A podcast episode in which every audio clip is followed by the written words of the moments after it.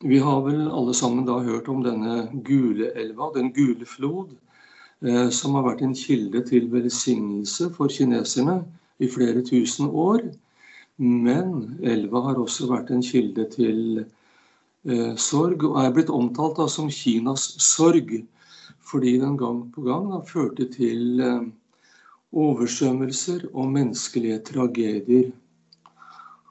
Og så kan vi kanskje føye til da, at disse keiserne de mente at de hadde fått sitt eh, mandat fra himmelen.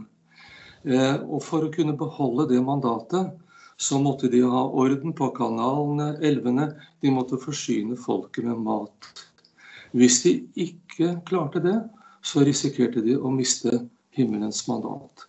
Eh, så det var egentlig ganske mye da, som sto på spill. Gjennom Kinas historie har keisere blitt avsatt og dynastier gått til grunne pga. tørke, flom og feilslåtte avlinger. Da keiserdømmet gikk i oppløsning mot slutten av 1800-tallet, døde ikke bare millioner i borgerkrig, mange døde også av sult.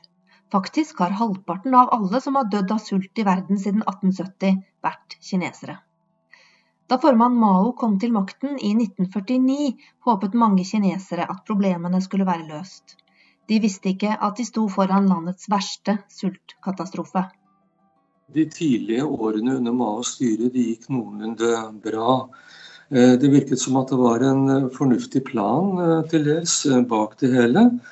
Så produksjonen den økte, og stadig flere kinesere de fikk et bedre liv.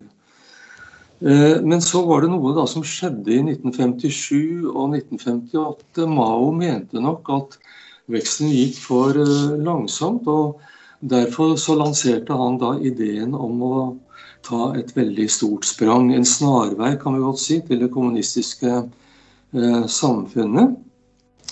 Eh, og han bestemte seg for å mobilisere kineserne til et nasjonalt krafttak.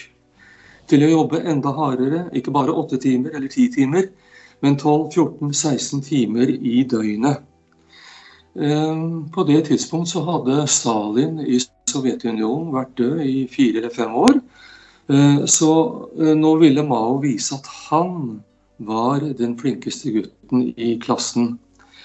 Så i den sosialistiske klassen, kan vi godt si. Så Mao skulle bli en industrinasjon da på rekordtid. Og for å kunne klare det, mente Mao, så måtte landet produsere nok jern og stål. Så Derfor startet da Mao en kampanje for å etablere eh, tusenvis av små og store stålverk over hele landet. Og millioner av bønder de ble trukket ut av jordbruket for å fyre opp disse provisoriske ovnene for å smelte jern eh, og lage stål. Men snart så viste det seg at stålet det var ubrukelig. Eh, og det var naturligvis eh, ille nok. Men enda verre så var det at uh, bøndene de forsømte det livsviktige arbeidet med jorda. Avlinger de ble stående og råtne på rot. Og i 1959 så begynte da sulten å gnage i magene til millioner av mennesker. Så de neste tre årene de ble katastrofale. Vi vet ikke i dag hvor mange mennesker som gikk med i løpet av denne tiden som døde. Kanskje får vi aldri vite det. Men de høyeste anslagene de er jo på mer enn 40 millioner mennesker.